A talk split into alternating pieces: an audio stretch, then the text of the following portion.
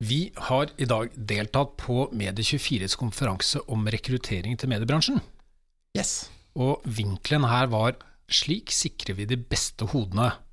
Og vi møtte mange uh, av de store mediehusene i Norge, uh, flere kommunikasjonshus. Uh, vi møtte studenter, studiesteder, og så var det noen av oss fra rekrutteringsbransjen. Ja. Og du, Sverre, du innleda om hvordan rekrutteringsbransjen har endra seg de siste åra. Og du snakka om at maktbalansen har endra seg i rekrutteringsprosessene. Jepp. Det, det, kan vi si litt mer om etterpå, kanskje. Ja, Et spennende tema. Vi kommer tilbake til det. Fordi Aller først så uh, vil du fortelle litt om uh, hva var temaet for denne konferansen. Og vi har snakka med Erik Votland, uh, ansvarlig redaktør i Medie24. Og han var ganske kritisk til hvordan bransjen jobber med rekruttering. Altså, Vi har medier- og rekrutteringsarrangement i dag. og Bakgrunnen for det er at vi tror at altså mediene svikter når det gjelder rekrutteringsprosessen. Bakgrunnen for at jeg sier det, er fordi at vi rekrutterer veldig mange som ligner på oss selv. Og så er det veldig enkelt å gå til de enkle stegene og eh, jakte liksom, eh, kompetanse i miljøer som du kjenner til fra før. Så det vi har lyst til, er å være med og bidra til at mediebransjen utvikler seg, eh, og er med å på en måte profesjonalisere den rekrutteringsprosessen som på en måte, ja, det er det som er ambisjonen. Så det Erik sier her, er at eh, mediebransjen må bli flinkere til å se utenfor sin egen grind. Hva tenker du om det, Sverre? Du rekrutterer jo til alle typer bransjer. Er dette veldig ulikt det du ser andre steder? Altså nå, jeg, uh, først vil jeg si at jeg rekrutterer jo ikke til alle bransjer, men jeg rekrutterer til mye forskjellige bransjer. Okay. Uh, for det vi ser, er jo nå at egentlig rekruttering handler om fag mer enn bransje bransje er fremdeles relevant, men, men, det har vært en glidning på fagfeltet, ikke sant.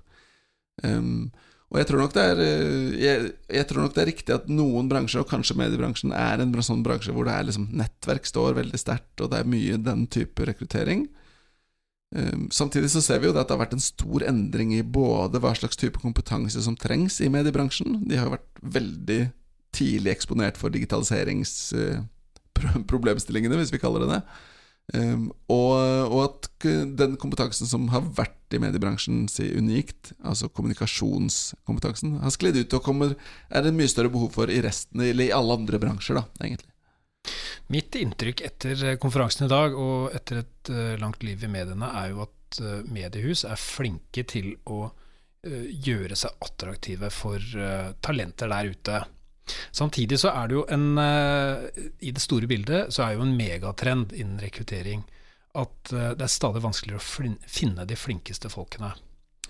Uh, og det, henger jo sammen med store trender som handler om globalisering, digitalisering osv. Uh, du innleda i dag om uh, hvordan få tak i de beste hodene når maktbalansen har endra seg i rekrutteringsprosessen.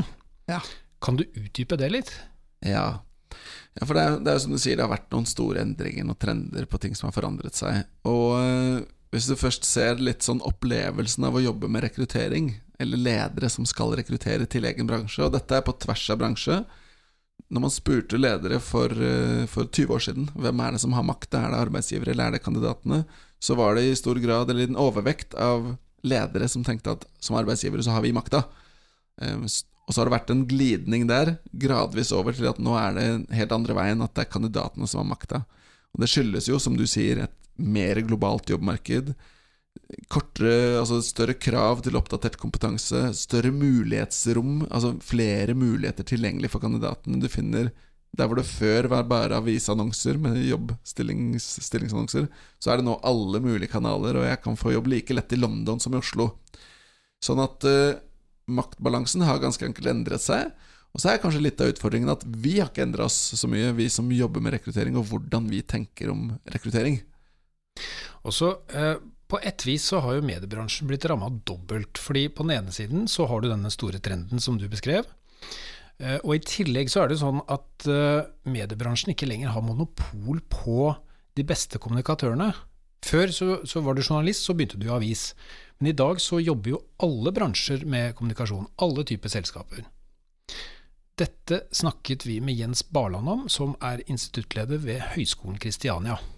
Nå driver jo absolutt alle virksomheter med kommunikasjon og må ha spesialister på det.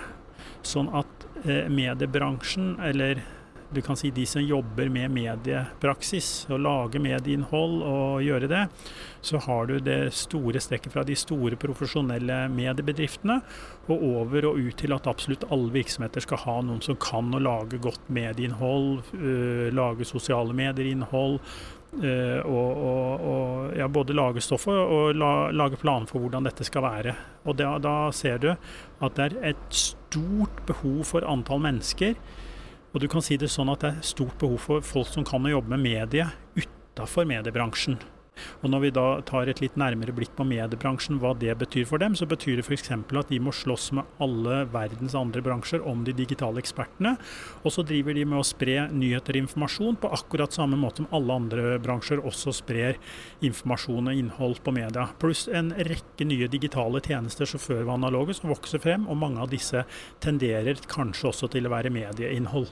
Så hvordan skal tradisjonelle mediebedrifter da sikre seg de beste hodene? Fordi dette er jo kunnskapsbedrifter som lever av kompetansen til de ansatte. Jeg tror rett og slett folk har lyst til å jobbe der det er bra å jobbe, der det skjer de spennende tingene, der det vokser og syder og koker og, og de, de liksom smarte tingene blir funnet opp. Så det er veldig viktig for mediebransjen å rett og slett være en sånn bransje. Eh, som, som omgivelsene da ser at oi, der er spennende å være. fordi de konkurrerer jo knallhardt om de gode hodene, som like gjerne da går til typiske Norge, til olje- og energiindustrien, eller de går til helse, eller de går til samferdsel, eller til alle mulige andre bransjer. Da. Men det å være attraktiv og få dem til å komme til media. Så det Jens sier her, det er at uh, mediebransjen må tiltrekke seg folk som ønsker å være der det skjer, og hvor det er en, uh, en spennende hverdag, da. Er det nok? Det er jo et godt spørsmål. Du kan si det er i hvert fall en start, og en veldig viktig start. For det er ikke noe tvil om at eh, det viktigste og beste du gjør hvis du skal lykkes med rekruttering, det er å ha en bra arbeidsplass. Og da er en del av det er jo det Jens sier, ikke sant? ha spennende oppgaver og faktisk være i front på en del ting. Sånn, det hjelper. Men så hjelper det også at du tar godt vare på folka dine, da, og at du har en kultur og et fokus på å liksom, ta vare på de ansatte. Fordi de er tross alt det beste og viktigste ambassadøren du har når det kommer til rekruttering. Det er, eh, det er dine egne ansatte. Ja, La oss høre hva Erik i Medie24 sier om dette. Vi stilte nemlig han det samme spørsmålet. Altså For de beste, de enerne, de er jo det eh, veldig mange kjemper om. Eh, når det gjelder f.eks.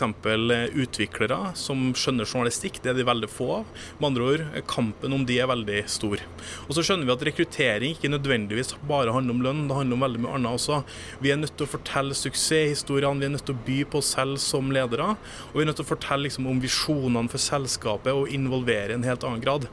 Eh, I så måte så har jo maktbalansen endra seg fra at eh, Jeg husker jo bare for i 2014, da redaktøren i NRK Trøndelag sa at vi har hele tida 100 stykker som banker på døra, så jeg kan velge fra de beste. Ja, det kan ikke de lenger. De høres jo egentlig ganske enige ut, disse to, Sverre? Ja, det, det er mye. De, de, er ikke helt uenige, i hvert fall. Men så er jo litt av utfordringen er jo ikke Eller en del av utfordringen er jo det å ha et godt budskap, eller ha et godt produkt, som, som egentlig Jens poengterer. Og så må du jo få lederne ut, du må ut og fortelle den historien som, eh, som blir poengtert her av Erik. Men så har du den tredje utfordringen som ingen av de nevner, og det er hvordan kan du få folk Hvordan kommer du gjennom støyen, da? Fordi det er jo så mange som skal ha tak i de samme kandidatene. Så problemet er ikke å finne de rette kandidatene, men problemet er å klare å formidle ting på en måte som faktisk er troverdig. Fordi eh, det er der egentlig slaget står, da. Det er ikke mangel på kommunikasjon, det er mangel på troverdighet som egentlig er den største utfordringen i rekruttering i dag. Jeg tenker at uh, i forhold til uh, kampen om de gode kommunikatorene, så må uh, mediehusene, de tradisjonelle, bli flinkere til å uh, få fram hva som er unikt og spesielt ved å jobbe der, i forhold til å jobbe for eh, en offentlig etat eller jobbe i en PR-avdeling. Men vet du hva? Som teknolog så må jeg si følgende At hvis du skal slåss om å få de beste kommunikatørene, så må du kommunisere best. Det blir som å si at du skal få de beste teknologihodene, og så bruker du gammel, kjedelig teknologi. Det funker ikke. Hvis du skal få de beste kommunikatørene, så må du søren meg kommunisere best også. Men igjen, her har jo mediehusene en konkurransefordel, har de ikke det? Det burde de i hvert fall ha. Ja, Så da er egentlig vårt råd da, oppsummert at mediebransjen må bruke all sin fantastiske kompetanse på å kommunisere til å gå ut og få tak i de beste folkene. Ja, Det er jeg helt enig i.